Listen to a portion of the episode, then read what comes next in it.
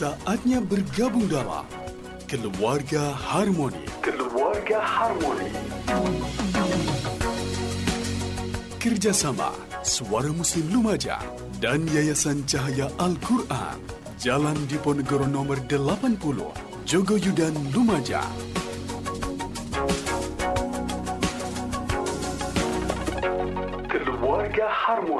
Bismillahirrahmanirrahim. Assalamualaikum warahmatullahi wabarakatuh. 89,9 Suara Muslim Lumajang. Mitra Muslim Bagaimana kabar Anda di siang hari ini? Semoga kita dalam keadaan sehat walafiat ya.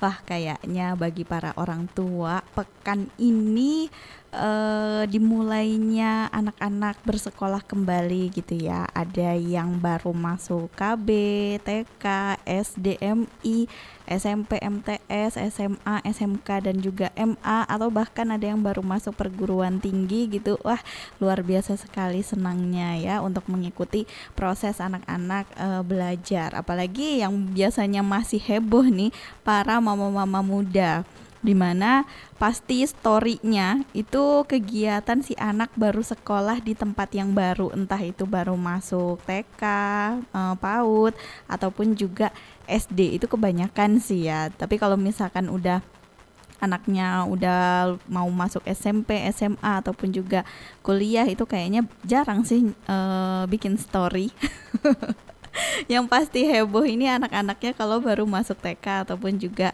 SD. Nah, gimana sih persiapan Anda selama ini mitra muslim untuk memilih sekolah yang baik? Jadi di sini di keluarga Harmoni uh, kita akan uh, membahas gitu ya. Pilih sekolah boarding atau yang biasa. Jadi mungkin uh, Anda pernah mendengar uh, istilah seperti ini zaman sekarang kok masih ada ya orang sebaik itu. Nah, ini sebenarnya mitra muslim menunjukkan bahwa semakin ke depan moral generasi muda ini semakin turun dan inilah yang menjadi awal pertimbangan sebagian orang tua dalam menyekolahkan anaknya. Mau dimasukkan ke sekolah umum, pondok pesantren atau boarding school. Jadi selengkapnya kita akan bahas dalam keluarga harmoni di edisi 19 Juli 2022 atau 19 Juli Zulhijjah 1443 Hijriah tentang tema yang menarik gitu ya. Pilih sekolah boarding atau biasa. Nah, sebaiknya kita sebagai orang tua pilih yang mana sih? Nanti kita akan bahas ya, diskusi bersama e, Dr. Alia Hidayati, spesialis THT bedah kepala dan leher sekaligus Yayasan Direktur Yayasan Cahaya Al-Quran. Dan mohon maaf juga untuk Ustadz Suharyo AP lagi berhalangan hadir karena kondisi beliau membutuhkan istirahat ya. Katanya uh, suara beliau ini uh, serak-serak banjir. Suaranya agak kurang enak kayak kurang keluar gitu. Jadi butuh istirahat. Kita doakan bersama untuk Ustadz Suharyo supaya bisa kembali lagi berdiskusi bersama kita bertiga gitu ya mitra muslim. Saya juga mengajak Anda nih untuk ikut bergabung di 0811 3400 899. Jadi kita akan uh, membahas uh, tentang pilih sekolah itu uh, sekolah boarding atau yang biasa aja sih. Nah, itu semua kita akan uh, libatkan anak gitu ya sebenarnya sih. Kita bisa bertanya kepada anak seperti itu. Memang setiap orang tua ini ingin menyekolahkan anak di tempat terbaik tapi untuk memilih sekolah terbaik sering kali menempatkan orang tua pada dilema harus memilih sekolah yang bagaimana sih gitu ya mitra muslim. Nah sebenarnya orang tua ini disarankan memilih sekolah yang ideal bagi anak. Artinya kebutuhan setiap anak ini kan berbeda sehingga sekolah favorit di kota kita dengan kota yang lain gitu ya belum tentu ideal bagi anak kita seperti itu. Kalau misalkan kita melihatnya, oh saudara kita di kota ini bagusnya sekolahnya di sini, terus uh, sekolah kita di sini bagusnya di sini gitu. Jadi itu semuanya beda gitu ya mitra muslim. Nah, di sini mitra muslim, kita bisa memilih sekolah yang ideal bagi anak gitu ya. Mungkin kita bisa melibatkan anak dalam memilih. Jadi melibatkan anak ketika memilih sekolah ini merupakan langkah penting. Jadi orang tua ini perlu memahami bahwa nantinya bersekolah yang bersekolah ini adalah anak. Jadi kita bisa mengkondisikan supaya proses mencari sekolah uh, ini tuh tidak menjadi beban berat gitu ya bagi si anak melainkan menjadi proses belajar yang menyenangkan. Lalu gimana kalau ternyata pilihan anak jatuh pada sekolah yang menurut orang tua ini kurang sesuai? Nah, di sini kita bisa uh, berdiskusi antara anak dan juga orang tua. Jadi supaya anak ini akan merasa bangga karena diberi kesempatan memilih dan juga berdiskusi tentang hal yang penting. Jadi kita tanya ke anaknya e, mau sekolahnya di mana. Kalau sekolah di sini berarti pelajarannya seperti ini, seperti ini, seperti ini, kegiatannya seperti ini. Kalau sekolah di sini e, pelajarannya seperti ini, kegiatannya seperti ini. Karena kan kalau misalkan setingkat SD, SD dan MI, SMP dan MTS itu kan e, beda ya pelajarannya. Kalau dari SD mungkin uh, fokusnya di pelajaran-pelajaran umum. Kalau di MI mungkin ada tambahan lagi lebih detail lagi untuk pelajaran agamanya gitu. Jadi kita bisa diskusi mitra muslim sama dengan saya dengan anak saya kemarin pas mau SD saya tanya e, kakak mau sekolah di SD atau di MI kalau di MI seperti ini kalau di SD seperti ini gitu dan kita kasih tahu ini lokasinya sekolahnya di sini nih gitu. Kalau sekolahnya SD maunya SD yang mana? Ada banyak gitu. Jadi biar dia milih supaya anak ini e, merasa dirinya ini ya apa namanya dikasih kesempatan untuk memilih sendiri gitu. Tapi kalau misalkan memang nggak sesuai dengan yang diharapkan orang tua, mungkin kita bisa uh, bukan mempengaruhi si anak lagi gitu ya, tapi mungkin kita bisa memberikan kelebihan-kelebihan dari uh, sekolah yang orang tua inginkan. Mungkin seperti itu. Jadi anak bisa berpikir lagi, oh iya kalau di sini kan kayak gini, kalau di sini kan kayak gini. Jadi kita benar-benar uh, membebaskan mereka, membebaskan si anak ini untuk memilih. Kemudian uh, kita mungkin bisa melihat gitu ya memiliki program yang terukur dan juga realistis di sekolahnya itu. Jadi memang banyak ahli nih mitra muslim yang mengingatkan sekolah yang memiliki kualitas baik tentu saja memiliki visi dan misi yang jelas, terukur dan realistis. Nah, pernyataan visi dan misi ini memang bisa dipotret dari beberapa aspek nilai ya yang ditonjolkan di sekolah itu. Mungkin bisa dari nilai keagamaannya, e, nilai akademis, karakter, perilaku, kecakapan hidup, kemandirian dan juga nilai kewirausahaannya ataupun juga entrepreneurshipnya gitu mitra muslim. Kemudian kita juga bisa melihat ya uh, sekolah ini tidak hanya prestasi akademisnya aja. Memang gak sedikit orang tua yang saat ini masih memandang aspek akademis menjadi pertimbangan pertama dalam memilih sekolah gitu ya, yang diunggulkan gitu ya. Oh ini sekolahnya bagus nih kalau di Lumajang uh, sekolah yang bagus SMA ini, SD ini, SMP ini gitu. Dilihat dari kelulusan-kelulusannya gitu yang mungkin nilainya tinggi, nemnya juga tinggi, terus banyak prestasinya juga di sekolah itu seperti itu.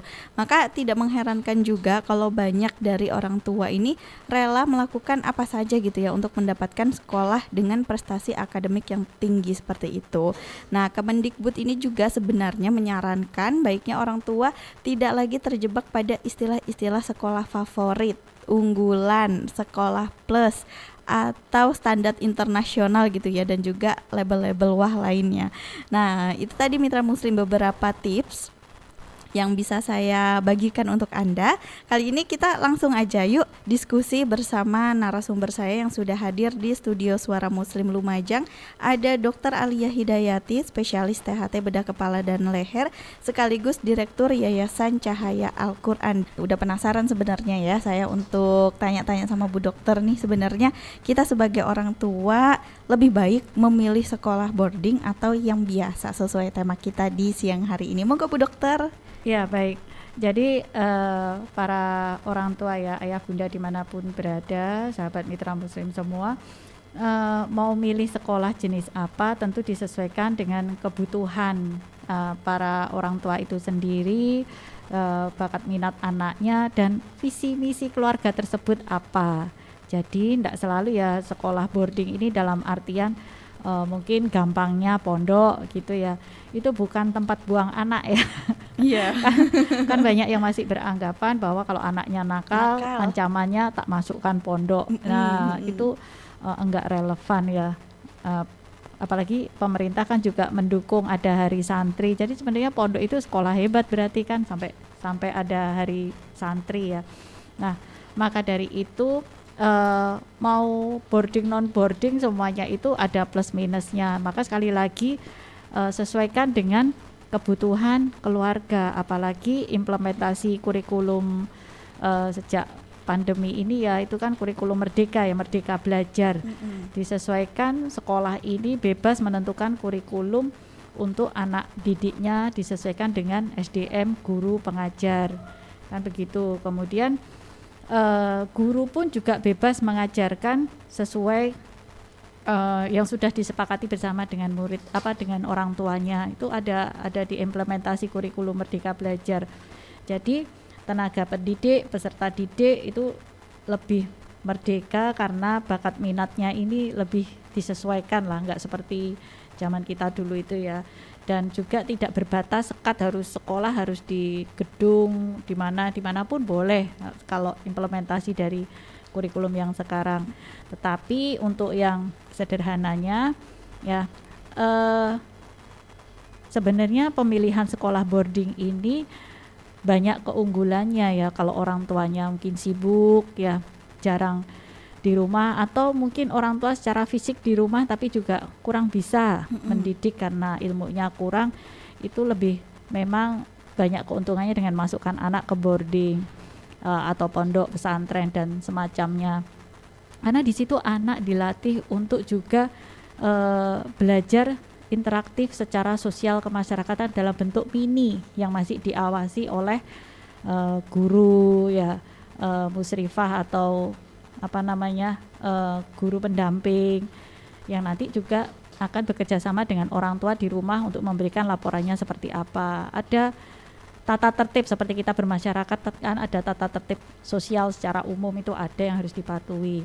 Sehingga walaupun anak-anak ini ada sekolahnya di pagi atau sampai sore hari selebihnya mereka berinteraksi dengan temannya uh, maupun dengan kakak kelas atau dengan adik kelasnya akan dipantau ataupun kalau ada permasalahan dengan guru atau staf yang lain, seumpama staf dapur, staf laundry atau yang lain itu juga akan dipantau bagaimana cara menyelesaikan masalahnya karena belum tentu guru yang ada di tempat tersebut juga cukup kematangan mentalnya ya. Kadang-kadang merasa guru juga uh, waktu anak muridnya ini uh, apa namanya berinteraksi merasa baper ya karena kurang sopan lah kurang apa lah gitu-gitu kan. Bisa aja terjadi seperti itu. Nah uh, maka sebenarnya uh, banyak hal positif yang kita dapatkan dengan memboardingkan anak ya ya. Tapi tentunya uh, hal yang tadi saya sebutkan di awal itu harus dipahami betul. Jangan sampai anak merasa sekolah boarding ini orang tua lagi nggak sayang lagi hmm. atau apa namanya nggak punya cukup waktu untuk dirinya atau alasan-alasan lain lah yang intinya malah bikin demotivasi. Nah sekolah yang uh, non boarding pun, nah anak juga harus diwaspadai karena bukan berarti kalau non boarding berarti orang tua sayang banget karena masih di rumah pak enggak juga. Jadi mari kita sebagai orang tua uh, melihat bakat minat anak, kemudian visi misi keluarga kita maunya anak ini mau kita apakan, kita pengen sesukses apa sih dunia akhirat anak kita tersebut ya tergantung dari langkah yang kita ambil sejak awal pendidikan. Jangan sampai kita menyesal kelak karena waktu itu nggak akan bisa terulang lagi mungkin hmm. itu. Oke, okay. kalau sekolah boarding berarti kan uh, sekolah seperti asrama gitu ya, Bu Dokter ya, iya, yang nggak pulang ke iya, rumah. Iya betul. Uh -uh. Hmm. Soalnya nah. takutnya nanti uh, mitra muslim bingung sekolah boarding ini gimana gitu. ya kayak pondok kan. Kayak Jadi pondok. pulangnya pun diatur, kunjungannya juga nggak boleh sewaktu-waktu. Hmm. Jadi ada kedisiplinan memang anak diharapkan mandiri sesuai usianya. Kalau sewaktu-waktu orang tua jenguk kan bikin kacau jadwal kan. Iya benar banget. Nah kalau bedanya dari sekolah boarding dengan pondok pesantren? Sebenarnya hampir sama ya. Karena pondok pesantren pun yang modern mm -hmm nulisnya kan sekarang uh, Islamic Boarding School atau oh, yeah. International Islamic Boarding School mm -hmm. kan begitu. Iya. Jadi sebenarnya uh, sama. sama aja. Iya, cuman kalau pondok pesantren orang lebih berpikirnya oh ini tradisionalis kan gitu. Mm -hmm.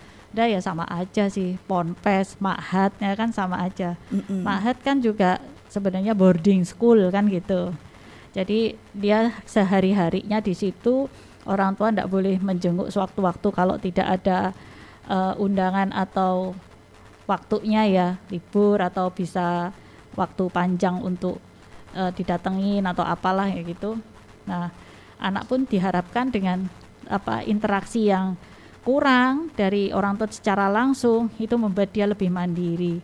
Secara apa namanya tidak segala masalah yang mungkin agak receh-receh diceritain ya itu dia harus bisa menyelesaikan masalahnya sendiri. Mungkin kalau masalah yang besar memang perlu diskusi orang tua baru dia bisa ketemu karena kan waktu ketemunya terbatas sehingga dia kan harus memilih mana yang harus diceritakan. Masuk semua ini kan ya Nggak sampai iya, waktunya. benar. Gini tuh. Oh, Oke, nah kalau kelebihan dari boarding school atau juga kelebihan dari sekolah biasa itu apa masing-masing Bu Dokter? Iya, eh, kalau boarding school itu tadi ya, eh, kita keseharian anak-anak itu sudah ada jadwalnya. Hmm. Jadi orang tua tidak perlu membuatkan jadwal hanya mengawasi saja kan, eh, memberikan feedback ya. eh, bagaimana anak-anak yang sudah diberikan jadwal ini interaksinya bagaimana, adab muamalahnya seperti apa, pembelajarannya akademik non akademik ini apakah sesuai target atau bagaimana. Sedangkan kalau eh, apa namanya kekurangannya karena sudah ada jadwalnya nggak boleh orang tua ini melakukan intervensi tentu untuk memberikan eh, apa namanya pe- materi yang diinginkan oleh orang tua dan anak tidak akan bisa dimasukkan kalau tidak di-approve oleh boarding school tersebut. Ya karena dengan adanya kurikulum materi belajar ini kita kan seperti apa dibuka semua akses untuk belajar apa aja itu kan secara online kan dibuka. Pelatihan apa aja itu jadi lebih mudah. Itu yang kita lebih susah. Tapi kalau sekolah non boarding memang eh, kelebihannya karena dia pulang orang tua masih bisa mengakses anak tersebut untuk diikutkan pelatihan-pelatihan lain yang lebih sesuai seumpama bisa diikutkan student exchange atau apa yang sudah memang di apa inisiasi oleh orang tua beserta anak tersebut tanpa eh, apa sekolah setuju tidak setuju kan tidak masalah. Eh, pelatihan-pelatihan yang memang mungkin mendukung bakat potensi anak yang orang tua dan anak ini sudah melakukan konsultasi ke ekspertis sebelumnya seperti itu lebih lebih terbuka lah. Hmm. karena kan online juga apa namanya aksesnya lebih unlimited ya karena bersama orang tua. Eh, cuman apa namanya eh, sekali lagi semua bentuk sekolah ini ada plus minusnya maka orang tua harus ini apa dengan anak berdiskusi maunya bagaimana nih gitu loh.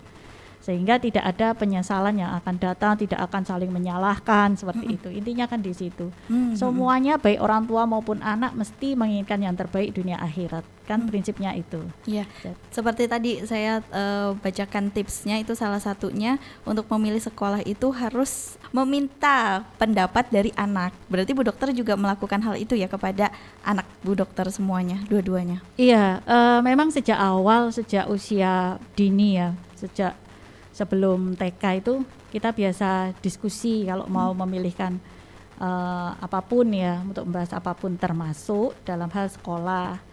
Jadi kita eh, mesti presentasi dulu ke anak-anak eh, risk benefitnya seperti apa, keuntungan kelebihannya ya eh, ataupun kerugiannya. Dia bebas memilih dengan semakin bertambahnya umur terutama setelah lepas SD.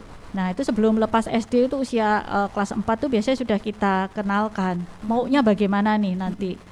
Nah, ini juga eh, SMP biasanya kelas 7, kelas 8 ini juga udah kita ini kira-kira kamu maunya ke mana nih? Ya untuk apa? eh, ancang-ancang ya. Kalau dadakan semua kita belum well prepare, khawatir ini juga kalau saya pribadi ya, khawatir nggak pas gitu loh. Jadi kita ajak diskusi supaya kita juga tahu kerangka berpikirnya dia itu sudah sampai sejauh mana dia kesiapannya untuk lepas dari kita sejauh mana? Apakah memang dia bisa kita percaya? Atau eh, masih baru sebatas apa bicaranya atau presentasinya yang meyakinkan tapi secara kesiapan mental masih belum belum 100% nah itu harus kita dukung Itu yang biasanya saya kerjakan ke anak-anak. Oke, kita langsung tanya aja ya ke anaknya. Karena udah dibawa sama Bu Dokter ke studio Suara Muslim Lumajang. Kita sapa dulu ada Kamila Iza Utomo. Assalamualaikum. Waalaikumsalam Mbak Kiki. Ah, masih imut-imut Bu Dokter. Kayak saya ya, mungkin kita seumuran Iza. nggak terima dia. terima nggak Iza? Terima. Oh, terima ya. Terpaksa banget.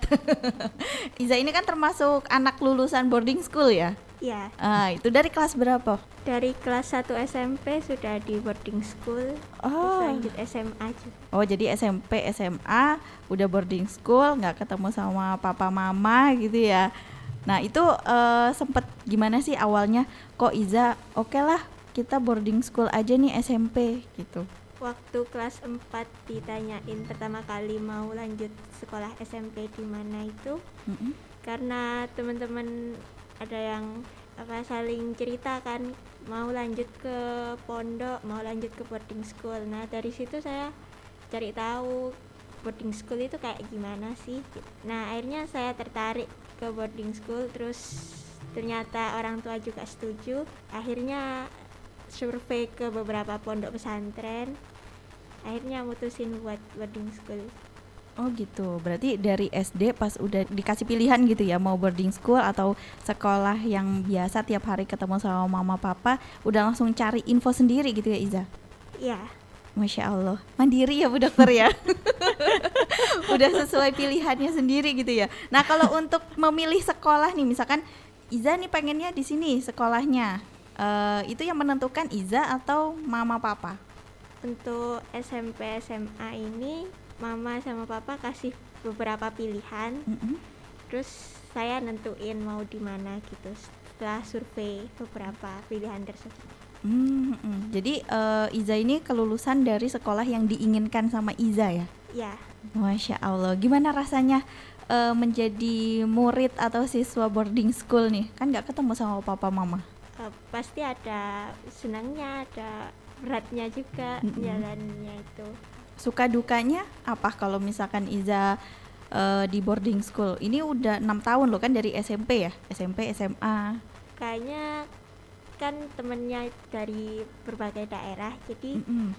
bisa tahu oh dari daerah ini tuh kayak gini tipenya terus lebih banyak belajar nggak cuma pelajaran akademik juga pelajaran agamanya dapat banget kalau di boarding school kan Mm-mm. Terus pelajaran kehidupan cara berinteraksi dengan orang lain itu di boarding school dapat banyak sekali ilmu kehidupan. Eh, kalau dukanya ya kadang harus sabar juga di boarding school nggak nggak bisa kita pengen jadi paling nomor satu karena harus ngalah juga sama yang lain. Terus kadang pendapat kita juga jarang langsung disetujui karena harus meskipun dibantu orang tua kadang juga belum tentu bisa nyampe ke guru juga Kalau untuk eh, materi pelajaran menurut Iza di boarding school itu susah apa enggak sih? Mungkin dari jadwalnya seharian kan pasti ada ya jadwal seharian di boarding school dari mungkin dari sebelum subuh sampai nanti malamnya. tiap boarding school beda-beda jadwal sehari-harinya Mm-mm. Tapi kalau beratnya atau enggak mungkin awal-awal aja Mm-mm. tapi kalau kelamaan ya biasa aja Oh, karena itu udah menjadi habit ya, udah jadi kebiasaan Iza gitu ya di sana ya. ya Masya Allah. Pernah nggak Iza ini punya pengalaman yang kayaknya ini nggak bisa diselesaikan sama Iza sendiri gitu loh. Jadi harus nelpon mama gitu. Nah di sana boleh nggak bawa HP gitu atau untuk berinteraksi dengan keluarga itu seperti apa kalau di boarding school? kalau di boarding school waktu saya SMP itu ada jadwal telepon hari Rabu sama hari Jumat. Mm-mm. itu cuma 10 menit per anak. Oh, jadi ya bisanya waktu 10 menit itu gimana caranya nyampein apa aja yang perlu disampaikan ke orang tua gitu. Hmm. terus kalau waktu SMA ada di hari Sabtu satu jam buat Oh, lebih lama ya, Ya, bisa lebih- curhatnya ya. ya Biasanya curhatnya ke mama apa ke papa? kedua-duanya Oh, kedua-duanya. Oh, itu di loudspeaker ya. saya biar kedengeran semuanya gitu.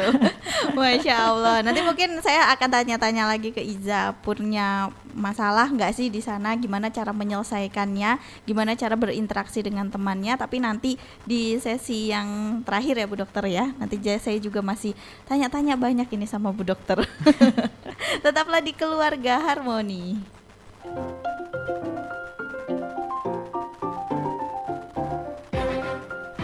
Anda masih bersama Keluarga Harmoni Kerjasama Suara Muslim Lumajang dengan Yayasan Cahaya Al-Quran Jalan Diponegoro nomor 80 Jogoyudan Lumajang. Keluarga Harmoni segera kembali Baik mitra muslim, kita kembali lagi di Keluarga Harmoni. Kita masih membahas tentang ini ya, boarding school atau sekolah biasa. Memang sebenarnya tidak semua bisa menikmati sekolah di boarding school ya Bu Dokter ya. Selain mungkin biayanya yang relatif mahal, ini juga sebenarnya perlu semangat dan juga kemauan yang tinggi.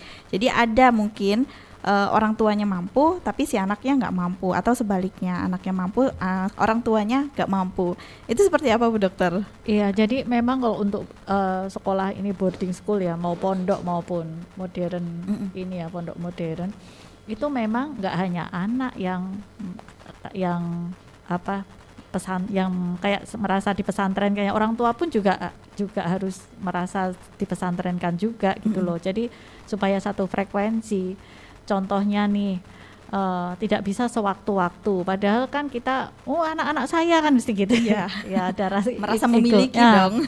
itu nggak bisa seperti itu. Kita harus bertoleransi.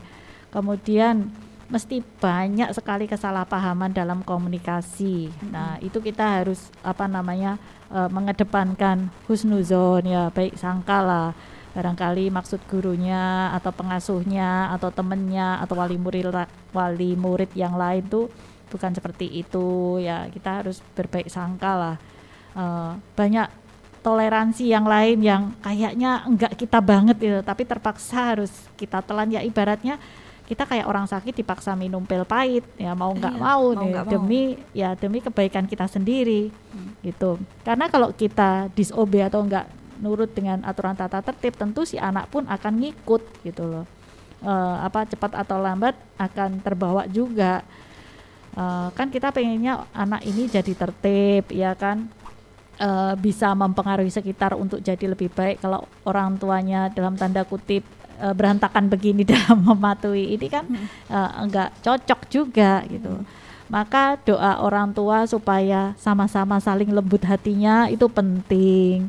Ya kemudian orang tua mencari rezeki yang halal dan baik itu penting. Karena kita sudah masang target uh, yang bagus-bagus untuk anak kalau si anak enggak on target nanti nyesel nanti kita nyalah-nyalahin pondok. Nah kan jadi harus sama-sama saling ini introspeksi dan saling sering berkomunikasi. Hmm. Supaya ya apa yang diinginkan baik pihak pondok anak sendiri maupun orang tua tercapai lah. Kalau ada satu hal yang miss atau kelolosan, kita semua menyadari, oh memang sudah kita ikhtiarkan bersama, tapi rupanya Allah berkehendak lain. Jadi supaya saling legowo ya, enggak ini merasa kita udah didik anak kita baik, apa dirusak pondok, ah, ini kan parah hmm. banget. Akhirnya hmm. kan jadi benci sama pondok kan.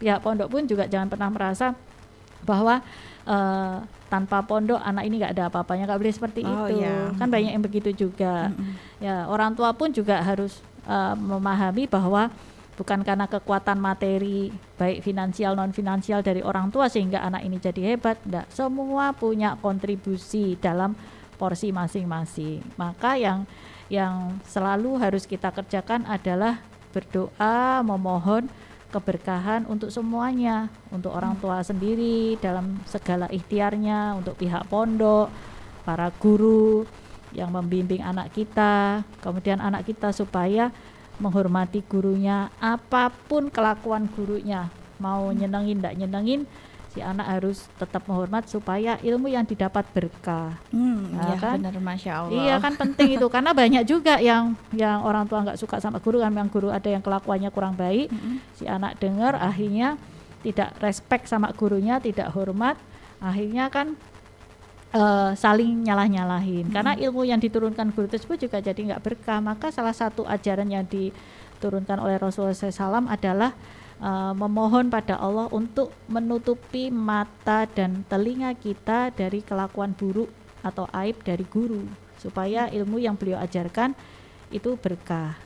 Hmm, Oke, jadi sebenarnya ini eh, saling ya, saling Betul. menguatkan seperti itu. Orang Iya. tua juga kalau misalkan mau masukin anak ke boarding school, mungkin lebih ekstra kerja kerasnya lagi gitu. Iya, jadi kalau waktu ketemuan dengan anak, jangan anak yang diminta itu untuk pelepas rindu adalah HP orang tua kan banyak gitu ya. Iya, iya. Orang tua udah kangen banget, kangen berat ya, ayah bundanya udah nyiapin segala macam ya, nyiapin liburan, nyiapin masakan yang enak, yang disuka anak. Eh, yang di mana HP-nya? Nah itu kan menyayat Jadi hati kayak banget. meng- mengurang mengurangi kebersamaan gitu iya, ya. karena ya sudah kecanduan HP itu. Hmm. Maka jangan pernah merasa uh, di boarding school itu semua akan baik-baik saja. Komunikasi tetap harus terbangun dengan baik. Hmm, termasuk sama teman-temannya juga ya. Mungkin Iya. saya ke Iza Betul, dulu. betul.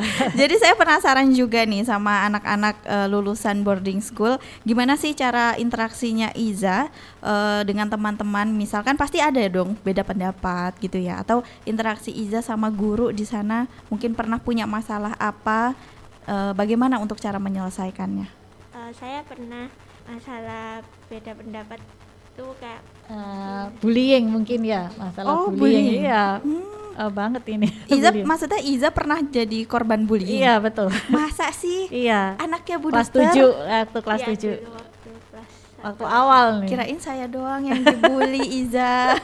Ternyata kamu juga pernah. Itu gimana tuh Iza ceritanya? Jadi waktu SMP awal SMP kelas eh, semester 2 itu ada penentuan pembagian kelasnya itu mulai di ranking gitu. Mm-mm. Jadi ada kelas unggulan, Oh.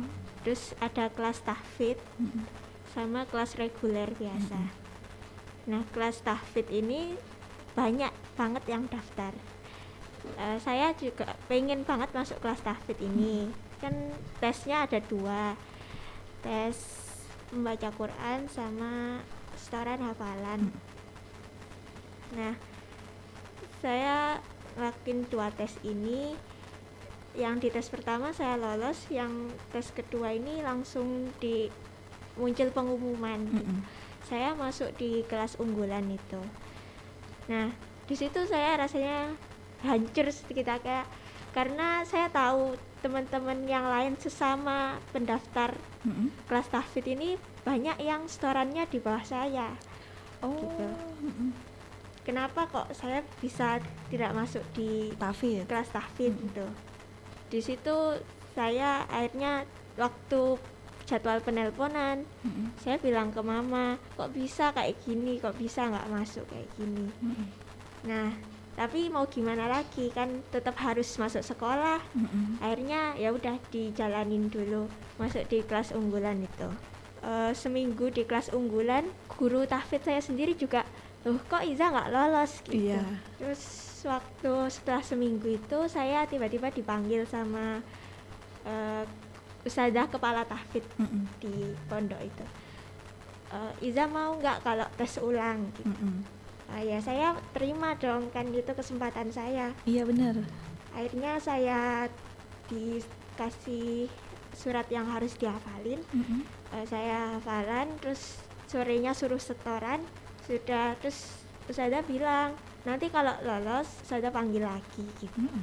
Eh, keesokan harinya eh, saya dipanggil ke ruang guru terus dibilang Iza kamu pindah ya bes mulai besok ke kelas tahfidz gitu Mm, dan saya senang banget ya. Alhamdulillah akhirnya bisa masuk ke kelas tahfidz nah itu teman-teman belum ada yang tahu Mm. tapi ternyata teman-teman di kelas tahfidz dari wali kelasnya sudah dapat pengumuman "Eh, besok ada anak dari kelas unggulan pindah ke sini gitu Mm-mm. di situ kan mungkin juga masih kelas 7 kan jadi Iya. kok bisa kok nggak bersyukur sudah masuk kelas unggulan malah minta ke kelas tahfidz kayak gitu Mm. mulai muncul rumor-rumor kayak Iza ini nyogok ya Oh, ya Allah.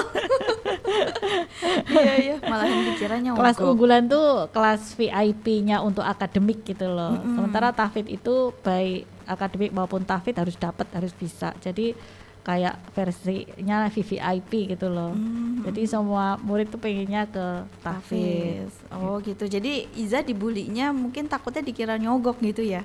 iya kan kelas tahfidz itu ada dua kelas Mm-mm. Kelas tahfidz yang unggulan sama kelas tahfidz biasa Hmm. Nah, saya masuk di kelas tahfidz biasa ini ya saya udah alhamdulillah harus masuk yang tahfidz unggulan juga gitu Iya. malah sebenarnya anak-anak yang di tahfidz unggulan itu kenapa kok nggak di sini aja Iza gitu Hmm.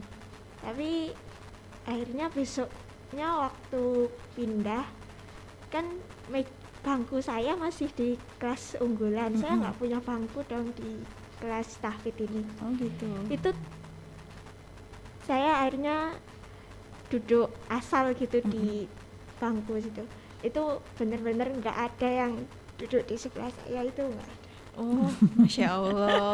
Beban mental juga ya Iya. sebenarnya ya kalau kayak Uh-uh. gitu.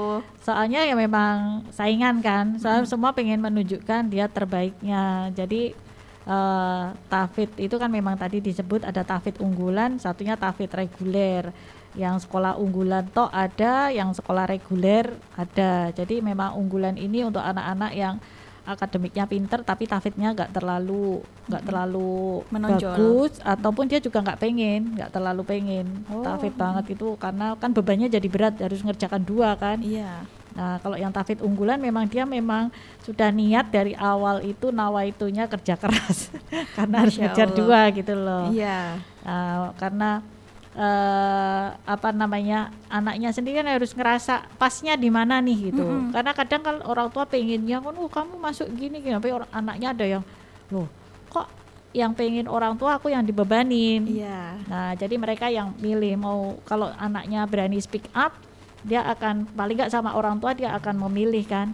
Oh, aku memang mampuku di tahfidz reguler karena akademikku kurang bagus, umpama begitu. Oh, aku mampu keduanya. Oh, aku lebih mampu akademik aja. Oh, aku yang biasa-biasa aja itu boleh gitu loh. kalau dengar dari cerita ya aku jadi ngebayangin gimana rasanya gitu ya. Nah, ke- eh, Iza gimana tuh kalau pas misalkan ada masalah dengan teman? Biasanya kan kalau cewek-cewek gitu ya. Nah, cara mengatasinya Iza gimana? Biar nggak sedih. coba saya lanjutin lewat cerita yang tadi Oh ya, siap.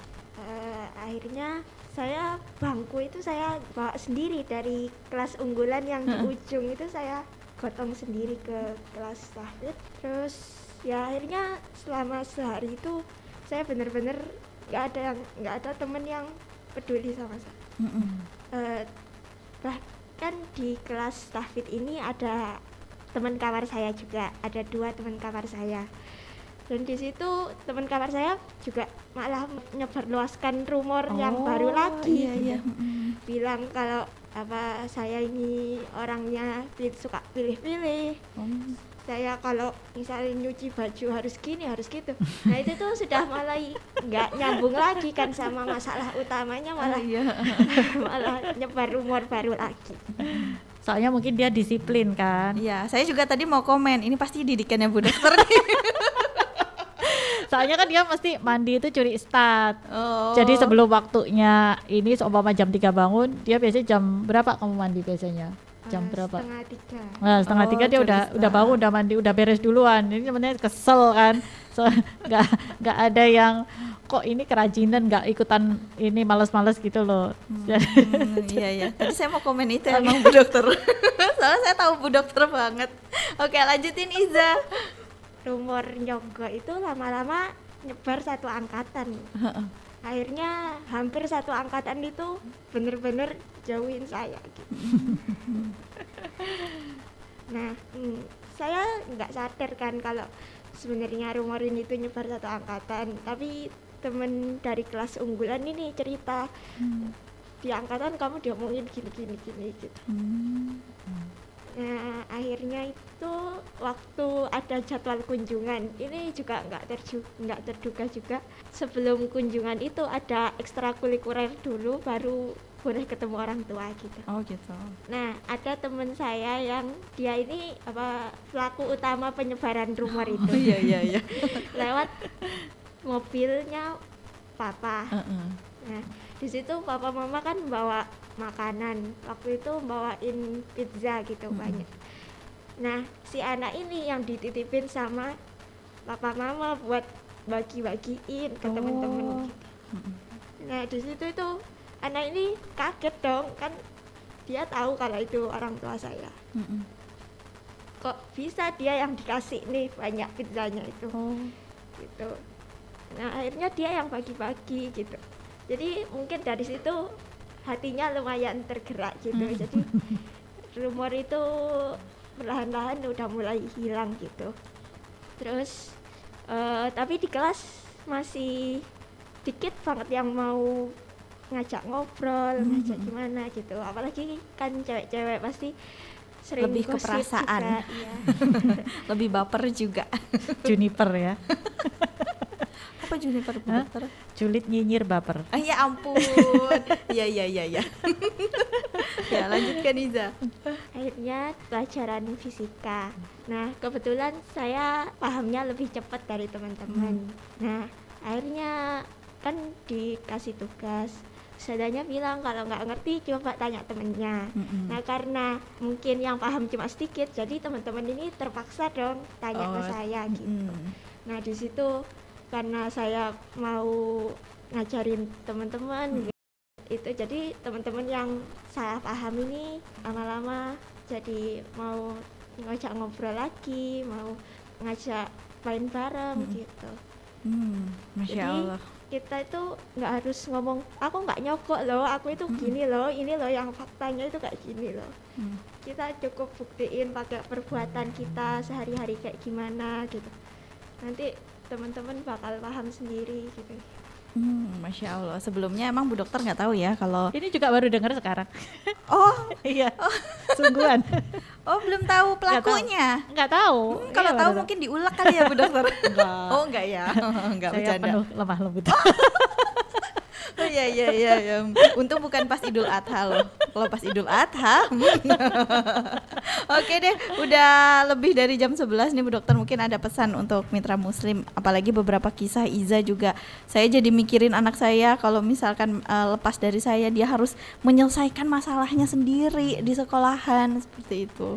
Eh, ya baik. Jadi memang eh, para ayah bunda di mana pun berada ya, eh, taruhlah kepercayaan pada anak-anak kita. Tapi tentu sudah kita bekali ya dengan ilmu keseharian.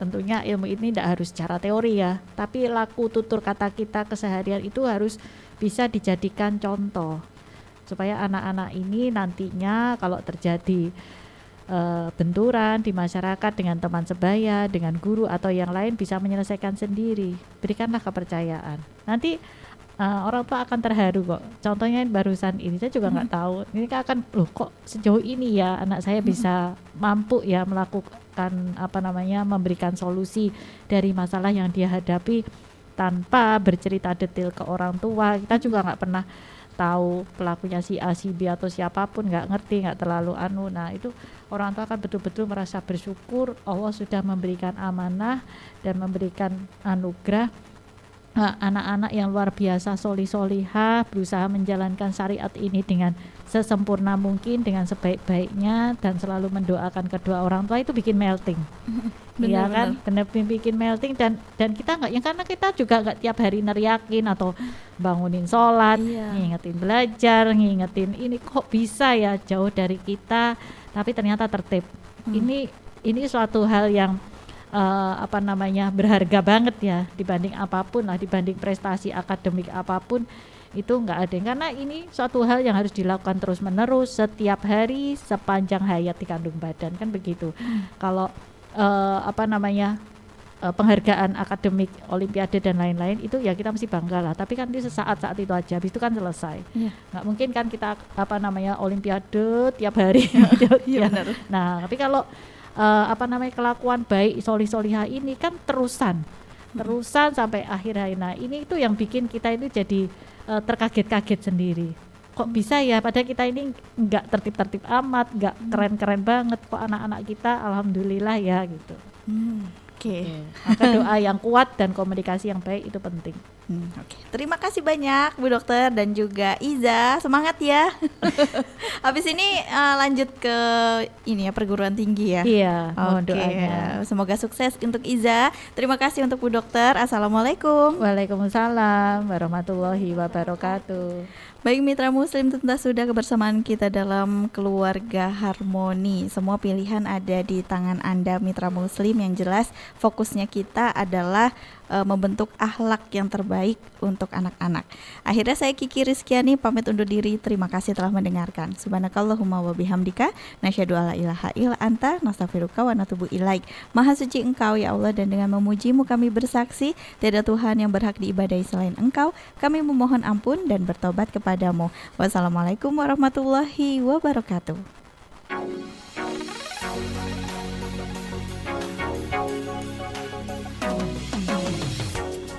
Anda telah bersama Keluarga Harmoni. Keluarga Harmoni. Kerjasama Suara Muslim Lumajang bersama Yayasan Cahaya Al-Quran. Jalan Diponegoro nomor 80 Jogoyudan Lumajang. Terima kasih Anda telah mendengarkan. Sampai jumpa pekan mendatang.